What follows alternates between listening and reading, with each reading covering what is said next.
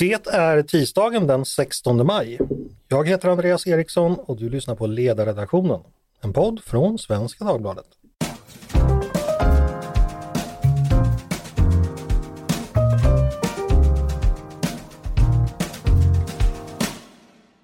Varmt välkomna till oss igen. Idag ska vi ta oss an vårt ekonomiska krig mot Ryssland och ta upp en gammal boll faktiskt, eh, som vi började prata om för ungefär ett år sedan. Nämligen hur ska Sverige och Europa förhålla sig till den ryska fossilexporten, närmare bestämt olja och naturgas. Förra våren diskuterade vi frågan i podden och då löd den övergripande frågeställningen så här. Riskerar ett gas och oljestopp här och nu att leda till att vi skjuter oss själva i foten? Den gången hade jag Arvid Ålund från Dagens Nyheters ledarsida och Peter Wennblad från vår egen som gäster. Det blev en intressant diskussion där de var överens om somligt och oense om annat. Och jag har under det dryga år som gått sedan dess ibland funderat på vem det var som egentligen hade rätt eller om båda hade det. Eller kanske hade båda fel, vem vet. Men det är i alla fall hög tid att återkomma till ämnet nu när vi har ytterligare ett års data och empiri att luta oss mot. För hur blev det egentligen? Hur snabbt kunde Europa frigöra sig från ryskt gasberoende? Har vi gjort det på ett sätt som inte skadat oss själva mer än Ryssland? Och vad har vi lärt oss under den här tiden? Det ska vi prata om idag och då säger jag varmt välkommen igen till Arvid Ålund och Peter Wemblad. Hej på er! Hej! Tack! Hej! Tack så mycket. Eh, om vi då börjar med eh, empirin, hur har det gått? Har vi lyckats stoppa, om vi då börjar med, med gasimporten, eh, och då har jag hittat några siffror som visar att dels har EU minskat sin gaskonsumtion med eh, nästan 20 jämfört med före kriget. Och dels har då det vi importerar, det har förändrats. För före kriget kom ungefär hälften av all gas från Ryssland.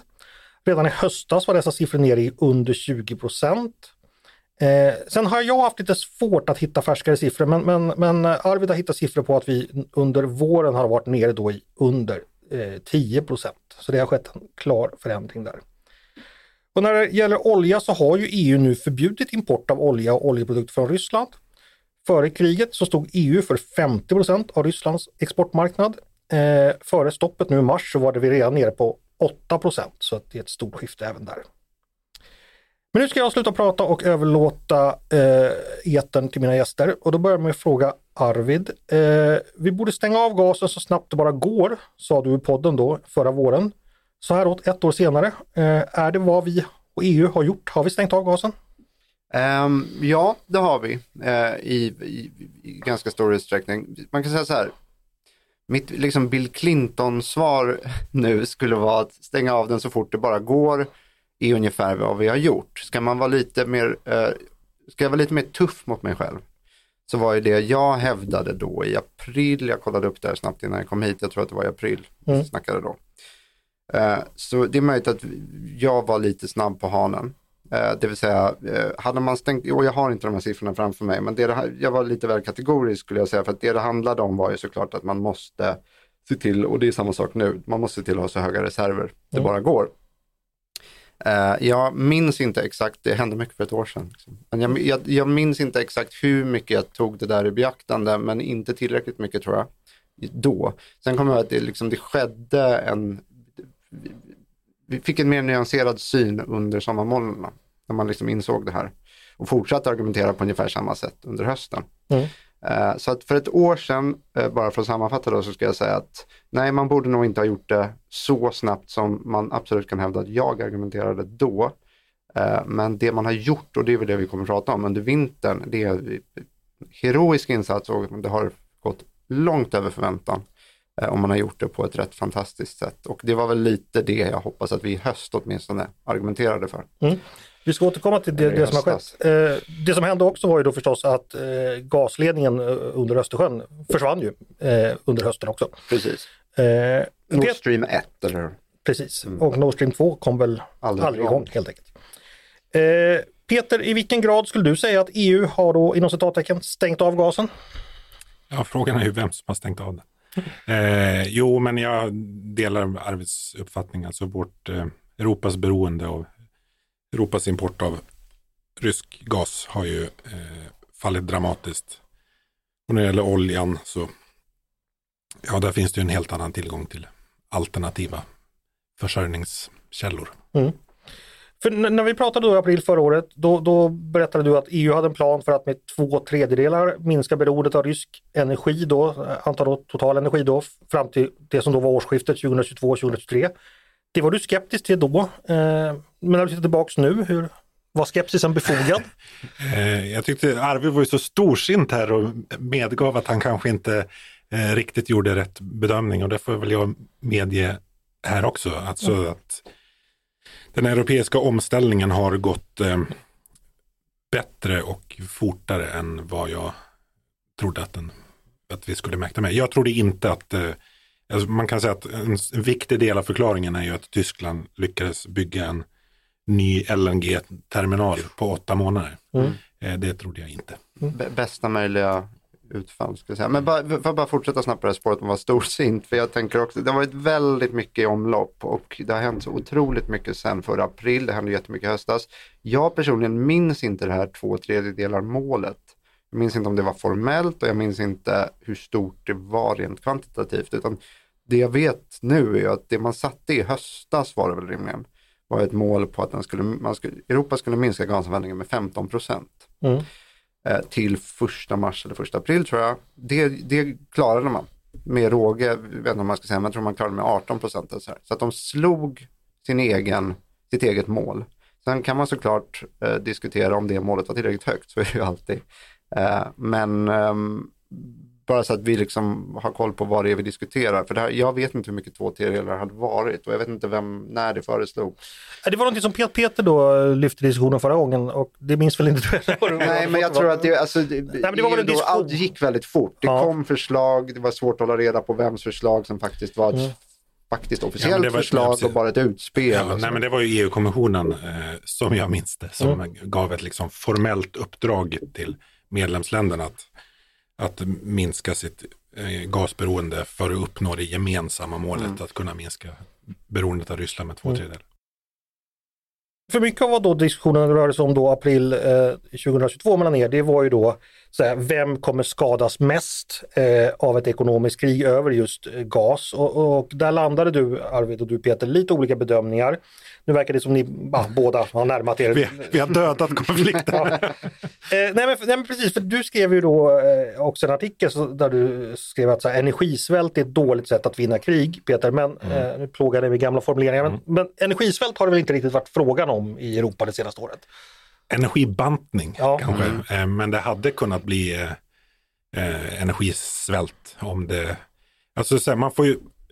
Vi kan ju konstatera nu så här, det har gått över förväntan. Mm. Men alltså politikens uppgift i ett sånt här läge som vi hade förra våren, det är ju att vad säger, göra val utifrån ett antal möjliga eller sannolika scenarier. Alltså man kan inte utforma en politik som bygger på att man hoppas på det bästa utan att man förbereder sig för det värsta. Mm.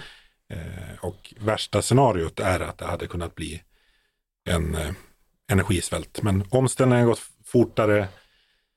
Ehm, ja, Europa har haft tur med vädret. Det har liksom varit några olika eh, faktorer. Mm. Så att, ja, vi kommer väl komma till det, men det är ju på, på intet sätt liksom faran över. Omställningen är ju inte klar. Det är ju Nej. fortfarande ett ganska knepigt läge inför kommande vinter. Jag måste säga, jag är mer optimistisk. eh, jag var optimistisk då, jag är mer optimistisk nu. Jag ska försöka skaka liv i den här konflikten igen. För att, alltså, så här, om, man bara, om, det kok, om man kokar ner det till ett rent nollsummespel. Vem förlorar mest? Så hävdade jag då att det var Ryssland och jag hävdar fortfarande att det är Ryssland och jag tycker att empirin, åtminstone när det gäller gasen, väldigt tydligt understryker det. Ehm, det jag gjorde som liksom var att gå lite för långt var att inte riktigt ta i beaktande då det här att reserverna skulle upp i tid och så, för det har ju varit väldigt viktigt för att EU skulle klara det här. Men om man tittar på hur det gick under vintern så är det definitivt ingen svält. Eh, Det finns, det finns också frågor om huruvida, hur mycket vädret har inverkat. Det finns en ganska stor omtalad tysk rapport som hävdar att eh, vä- väder, alltså så här, medeltemperaturen har varit lägre den här vintern än de senaste fyra vintrarna. Så, här. så att vädret har, tenderar egentligen att spelas upp som en förklaring. Eh, så jag tror att, och lägger man ihop det där med till exempel då så här, de ryska budgetsiffrorna, alltså det, det har ju rasat, de är ju extremt beroende av olja och gasintäkter och de intäkterna framförallt från gas då har rasat. Eh, Och jag tror att om vi, sitter, om vi tänker på hur vi tänkte att vintern skulle se ut, för jag minns hur man själv resonerade eh, i höstas. Alltså i augusti så var gaspriset på så här, 343 euro tror jag att det var. Eh, när invasionen inleddes var det på 128, det var liksom klart, klart rekord. Inför hösten var det uppe på över 340 euro. Nu är det nere på 30. Alltså vi, vi gick ju in i vintern med någon sorts idé om att det här kommer bli värre än vad det är nu. Och så blev det inte, det blev precis tvärtom. Mm. Eh, reserverna är högre, historiskt höga i, Europa, i hela Europa efter vad de liksom har varit efter en vinter. Eh, priset är nere på nä nästan historiskt normala nivåer, 30 euro istället för 20. Så, det, så att, tittar man liksom på de parametrarna så är det uppenbart att det har gått mycket, mycket, mycket bättre än vad man någonsin hade kunnat tänka sig. Eh, och det tänkte jag vi skulle prata lite om, för nu, nu har ni nog nämnt det här liksom, exempelvis med LNG då. Det, det är ju så att naturgas som går, går i, i pipelines så där, det är ju då gas, men om man kyler ner den gasen så blir det inte vätska och då blir den mycket, mycket mindre om jag förstått rätt. Och då kan man köra den på båt helt mm. enkelt. Och då har ju då man i Tyskland byggt ut infrastrukturen för LNG. Är det någon av er som har, vem har bäst koll på det? Kan berätta lite. Vad är det man har gjort, Arvid? Oj, ja, Peter har säkert bättre koll. Eh, nej men det man har gjort är väl så här. Eh, man kan producera eh, flytande gas helt enkelt. Det finns vissa som är väldigt bra på det. Mm. Eh, är man lite geopolitiskt där, NATO-västvän så är det inte fel att det är USA som är väldigt bra på det. Det tycker jag är en, en stor fördel. och de har ökat sin export till Europa med 100 procent tror jag över det senaste året. Mm. Jag vet inte från vilken bas, men, men mycket. och det man behöver helt enkelt för att importera den här flytande gasen är ju terminaler mm. i hamnar, som, som Peter Ja, och det har tyskarna byggt väl i Bremen eller något. Och Bremerhaven är det väl? Precis. Ja. Och jag tror att Spanien har haft några sådär. Men det, det här har liksom varit grejen. Det är ganska basic. Man måste ha terminaler för att kunna ta emot den här gasen. Mm.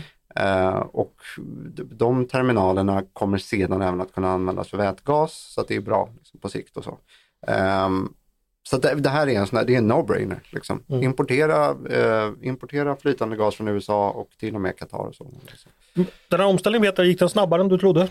Eller den är inte klar än, men att man ändå har kommit så långt som man har kommit? Eh, ja, definitivt. Um, alltså med tanke på Europas Alltså Europa har ju ett generellt problem att, att göra saker snabbt. Mm. Eh, det går ju ofta väldigt långsamt. Sen när man pratar om terminaler, det låter som att tyskarna har byggt ett jättestort eh, något jättestort anläggning. Alltså i praktiken är den här terminalen, det är liksom fartyg som ligger pir där amerikanska fartyg tankar över mm. Eh, gasen. Så att det liksom inte, men absolut, jag trodde inte att det skulle gå på, på åtta månader. Det tror jag inte den, den tyska regeringen heller hade eh, räknat med. Hur gick det med miljöprövningen där? ja, jag misstänker att det inte gjordes något. Nej, precis. Eh, Peter, du tipsade mig i veckan om en artikel på Dagens Nyheters ledarsida faktiskt. Eh, Arvid, jag misstänker att du är medveten om den också. Eh, till den. Eh, Putin startade ekonomiskt krig, nu har EU övertagit. Jag vill låta Peter kommentera. Delar du den synen att EU har ett övertag i det ekonomiska kriget? Jag börjar få eh, åtminstone. Alltså, vi har ju pratat om att omställningen i Europa. Äntligen. Europa har gått bättre än vad vi trodde. Men tyvärr har ju också den ryska ekonomin visat sig vara mer motståndskraftig och mer anpassningsbar än vad vi kanske eh, hoppades på. Men framförallt de här, nu blir det lite tekniskt komplicerat, men, men de här oljesanktionerna som tog ett tag innan Europa och G7-länderna fick på plats. Alltså det som krånglar till det är ju att här, det som händer om man tvärstoppar leveranserna av energi. Eh, det är ju att energipriserna sticker i höjden och då kan Ryssland exportera mindre men ändå tjäna mer pengar. Mm. Mm. Vilket man gjorde under en stor del av, under av, av precis under 2022. Eh, så att, men nu har ju det kommit på plats ett ganska komplicerat system med pristak och sånt där som, ju, eh, som gör att Ryssland är förhindrade att eh, de måste helt enkelt sälja sin olja med väldigt stora rabatter. Mm. Men det här har ju, vad säger, de effekterna, eh, det har ju kommit först nu under vintern, men det ser ju liksom lovande ut. Det, det smärtar liksom för, för den ryska ekonomin. Ja, vad säger du Arvid? Tjänar Ryssland lika mycket pengar på sin fossilexport numera? Har det, eller hur har det förändrats? Inte just nu. Nej. Men sånt här kan ju som sagt, alltså, precis som Peter säger, alltså att i juli, augusti någon gång så var det precis som Peter sa, alltså, priserna var skyhöga, alltså extremt höga på gas. Och Putin tjänade mer i princip än man hade gjort innan just därför, trots att exporten hade sjunkit väldigt mycket. Och sånt här kan ju i teorin i alla fall svänga ganska fort. Eh, det kom budgetsiffror, ryska budgetsiffror eh, för någon vecka, eller i april, som visade, om jag minns det rätt nu, att 64, jag tror att, att intäkterna från olja och gas, alltså de statliga intäkterna från olja och gas har sjunkit med 64 procent på årsbasis från förra april. Det är mm. jättemycket. Eh, det är också en, den viktigaste eh, eh, så att säga, inkomstkällan som den ryska staten har. Eh, det är en väldigt, väldigt bra siffra om man vill att det ska gå dåligt för Putin, mm. den ryska staten.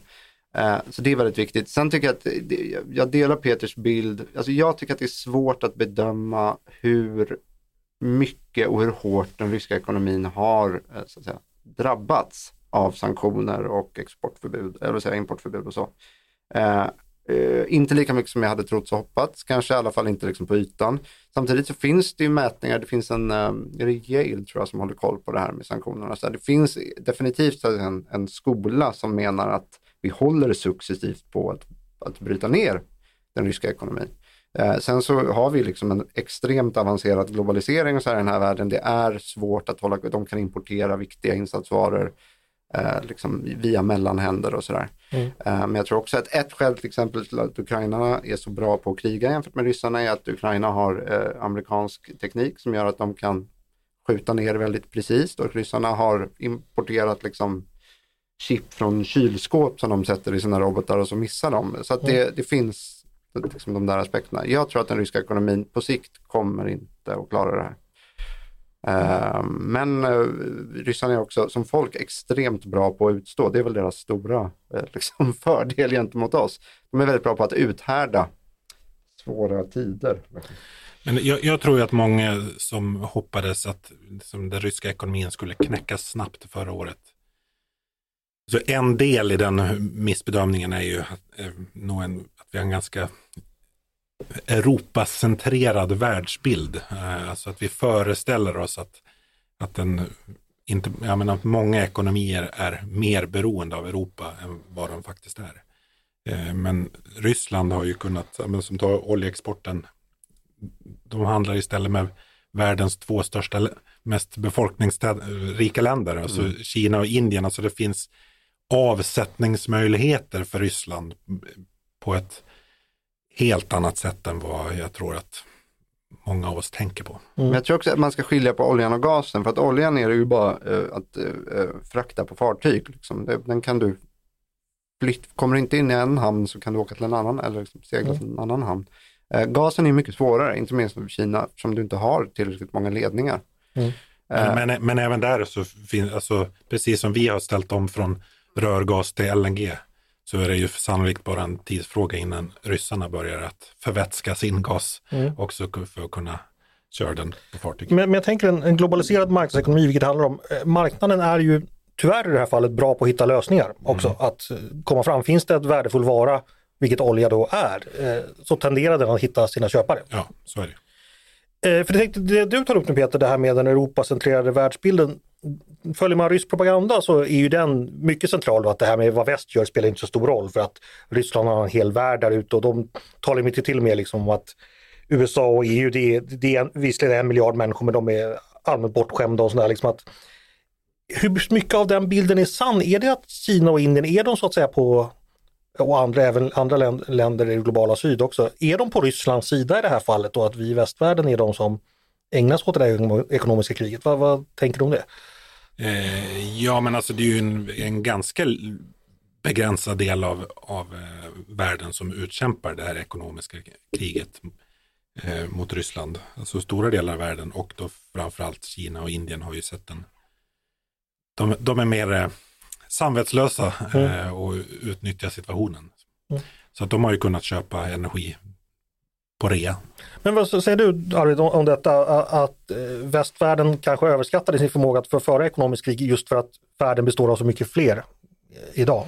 Mm, eh, nej, alltså jag tror att västvärlden överskattade sin moraliska förmåga att liksom få med andra länder eh, bara sådär. Och så, det har ju visat sig att det liksom inte stämmer. Ryssarna har väldigt bra försänkningar, inte minst i Afrika och även i Asien och Sydamerika så här, av, av historiska skäl. Där tenderar många regeringar fortfarande att liksom skylla det här på NATO. Mm. Eh, se- sett till BNP så är det ju ganska tydligt att en stor del, eh, den stora delen av liksom, den mäktiga världen ändå bedriver, eller så att säga, det är Ryssland som bedriver ekonomisk krig ska jag säga, men, men är inbegripet i ett ekonomiskt krig med Ryssland. Mm. Eh, det vill säga att eh, och man kanske inte bara heller kan mäta BNP rakt av, alltså USA har enorma ekonomiska muskler på ett sätt som inget annat land har eh, med eh, vad man kan göra, liksom, stänga av export av extremt viktiga insatsvaror eller eh, använda dollarn på ett sätt som inget annat land kan. Och sådär. Eh, så att, eh, ja, det, i ekonomisk mening tror jag inte man ska överskatta de här andra stora, eller stora ekonomiernas inflytande. Jag, såg tror, jag tror att liksom importbegränsningarna har ju haft större, eh, inneburit större svårigheter för Ryssland än att vi har försökt att förhindra export av alltså, så pass banala produkter som, eh, som olja och gas. Men Arvid tog ju upp här till exempel, jag såg någon siffra om hur många tusen procent importen av kylskåp till Ryssland har ökat från Kazakstan. Alltså det är Mm. egentligen bara ett sätt att via omvägar få in eh, elektronik som kan Mm. användas i vapensystem. Jag såg två, det var någon på Twitter som har lagt upp två världskartor bredvid varandra. Den ena för- föreställde då eh, länder i världen då som deltog i sanktionerna mot Ryssland och den andra kartan visade vilka länder där man kunde dricka vattnet direkt ur kranen. Och de här kartorna såg väldigt lika ut. Eh, vilket kanske säger någonting om då det ekonomiska läget i, i de, de länderna.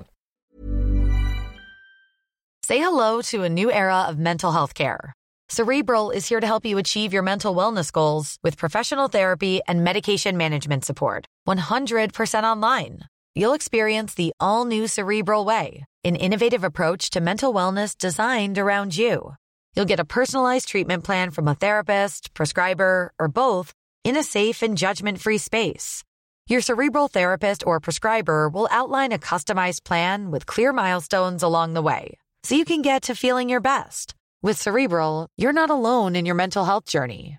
We're here to empower you to live a fulfilling life. So take that first step towards a brighter future and sign up today at cerebral.com slash podcast and use code ACAST to get 15% off your first month. Offer only valid on monthly plans. Other exclusions may apply. Offer ends July 31st, 2024. See site for details.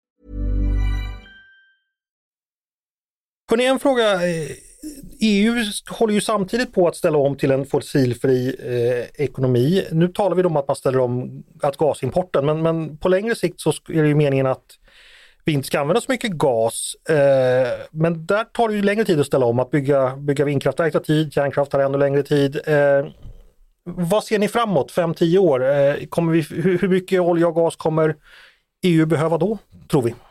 Ganska lite tror jag. Alltså, en sak vi inte har behandlat här och som jag har duckat lite också är väl eh, mest för att jag inte har stenkoll på hur stor andel det här är. Liksom. Men det är klart att kolkraften i Tyskland, så förbrukningen av kol har ju ökat i, eh, i samband med att man eh, slutar importera olja och Mm. gas eh, från Ryssland. Det tycker jag i sig på kort sikt inte är ett problem, för jag tycker man får ta ett problem i taget.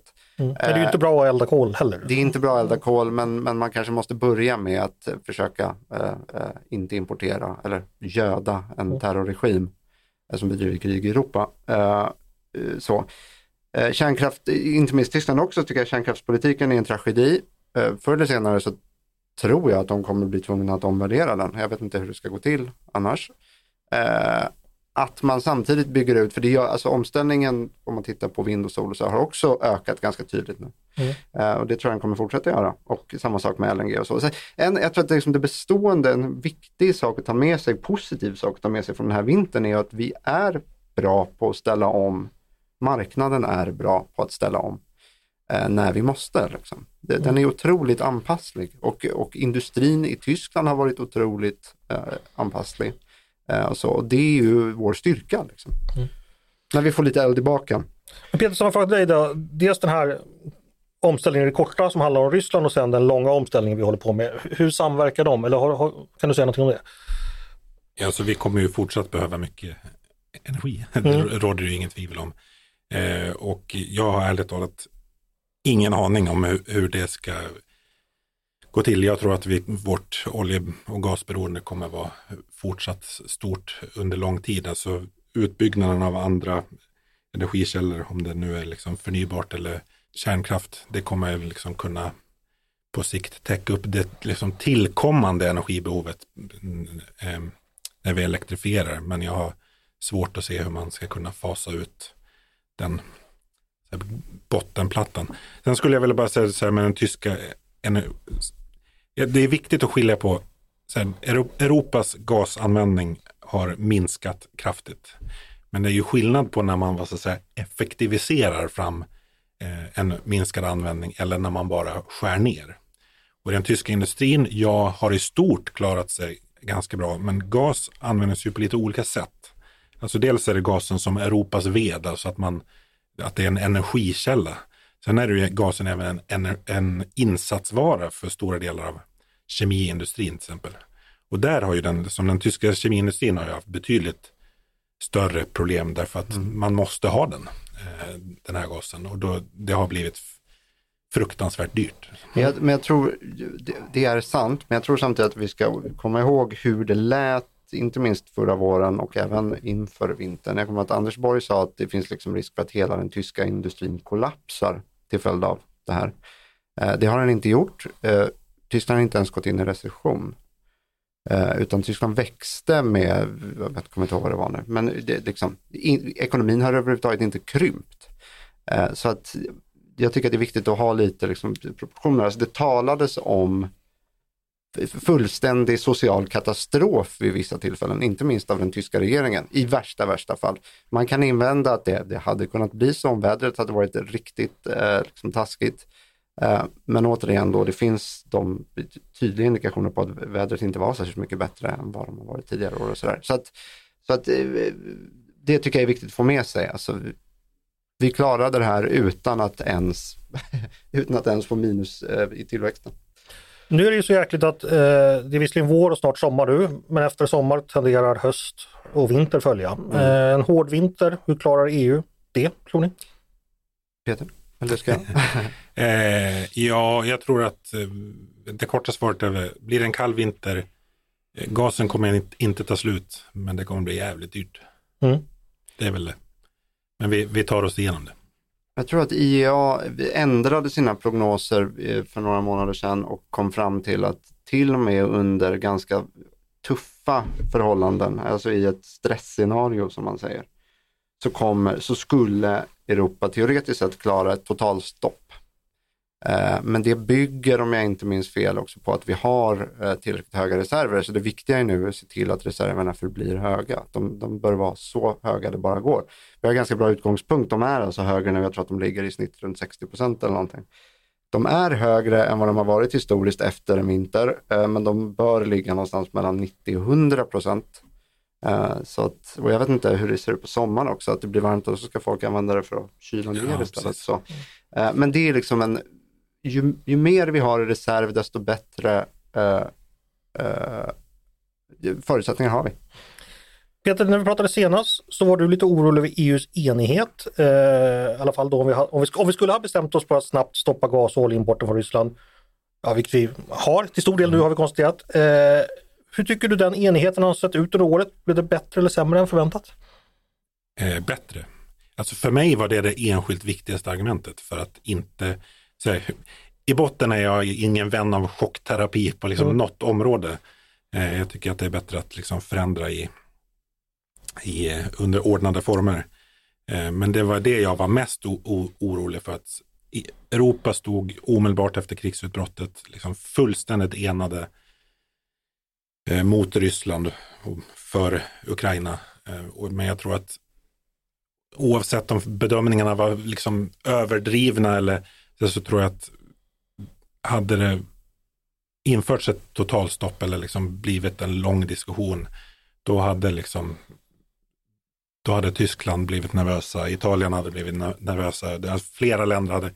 Så att jag tror att det hade blivit en mycket mer inåtvänd diskussion i, Europa. Nu har vi istället liksom kunnat fokusera på så här, hur hjälper vi Ukraina på slagfältet. Mm. Men du är ändå en sorts alltså, imponerad av Europas politiska resiliens på något sätt, låter det som. Ja, eh, jo det är Men alltså den politiska resiliensen, jag vet inte hur viktig den har varit eftersom priserna har inte liksom ökat från 340 till 500 utan de har sjunkit från 340 till 30 så att pressen har inte varit lika stor som vi trodde att den skulle vara och på ett sätt som då som kanske hade liksom gjort det svårare politiskt. Det jag tycker är viktigt att ta med sig är att den tyska regeringen varnade, eh, liksom sparkade bakut så här. Tyska näringslivet har varit jäkligt liksom pragmatiskt.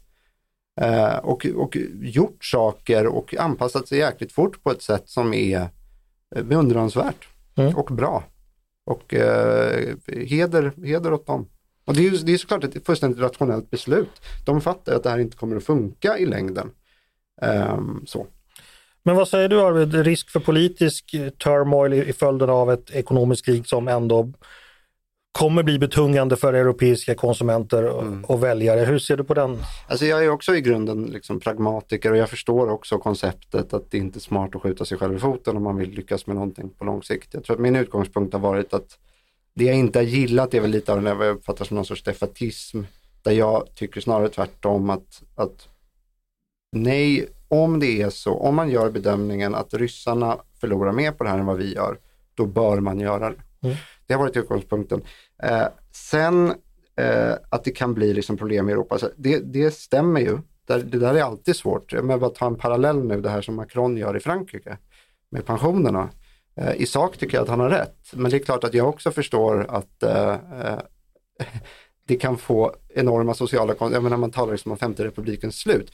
Det är klart att man kan i ett sådant läge börja fundera på, är det värt det? Eh, för att de sociala konvulsionerna blir så stora. Så här. Det där är alltid en avvägning. Eh, och jag vill inte att Italien kollapsar eller att EU kollapsar och om de skulle, och det skulle ske till följd av att man kör på för hårt, ja nej, då är det klart att man måste ta det i beaktande. Eh, men i andra vågskålen så har du det här då att nej, det kan vi inte göra för då blir folk liksom arga. Och det går inte.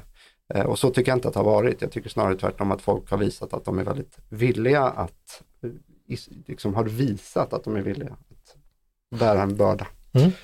Det var väl fint. Eh, vad som också är fint är ju att eh, när jag lyssnar på ert samtal nu som vi ska avrunda, jag tycker ni låter mer överens än ni låt lät för ett år sedan. Eh, delar ni den bilden Peter?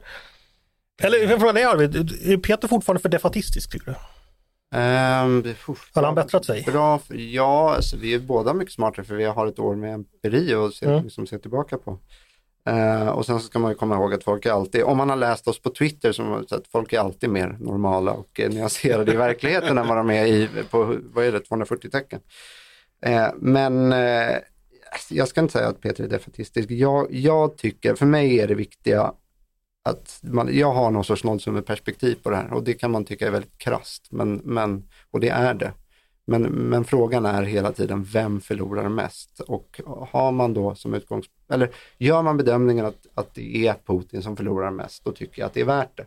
Mm. Eh, Men det kan ändras. Det är klart att står vi inför ett läge där Italien står inför någon sorts fullständig samhällskollaps för att någon bank av något annat skäl börjar eh, vackla eller så här, så är det klart att då måste jag också ta verkligheten i beaktande. Mm, okej. Eh, det får bli slutord från dig. Peter, har du någonting att lägga till som du tycker lyssnarna ska få med då, sig? då, får- då får jag väl slänga in en liten brandfackla. Eftersom jag, om det är så att vi är mer överens nu, eftersom jag har samma uppfattning som jag hade för ett år sedan så måste det betyda att Arvid har ändrat sig. Du, du, liksom, du, du, du kunde inte undgå att vara lite dryg på slutet. Du har ju annars medgett här vid flera tillfällen att du har fått revidera din bild, både om hur snabbt energiomställningen har gått, de politiska konsekvenserna och så vidare. Ja. Du, du noterade inte det? ja, nej, men jag tror, så, även om jag hade haft facit på förhand om att omställning så hade jag eh, fortfarande tyckt att det Jag, var, var jag, dåligt. säger att- bara, jag säger bara att prisras, historiskt höga reservnivåer och eh, eh, stora bortfall i den ryska budgeten. Det är mina argument. Meningen var faktiskt inte att ni, ni skulle bråka utan meningen var att lyssnarna skulle få en bild av ungefär av hur det här ekonomiska kriget går. Och det tycker jag ni tillsammans har gett. Så stort tack så mycket till Arvid Ålund och Peter Wemblad för att ni kom och pratade med mig idag. Tack! Tack själv. Och tack till er som har lyssnat också. Jag hoppas att ni lärde er lika mycket eh, som jag gjorde och jag lärde mig massor. Eh, tack för att ni har lyssnat på Ledarredaktionen, en podd från Svenska Dagbladet. Ni är varmt välkomna att höra av er till redaktionen med tankar och synpunkter på det vi precis har diskuterat eller om det är så att ni har idéer och förslag på saker vi ska ta upp i framtiden. Då är det bara att mejla till ledarsidan snabla svd.se. Dagens producent, han heter som vanligt Jesper Sandström.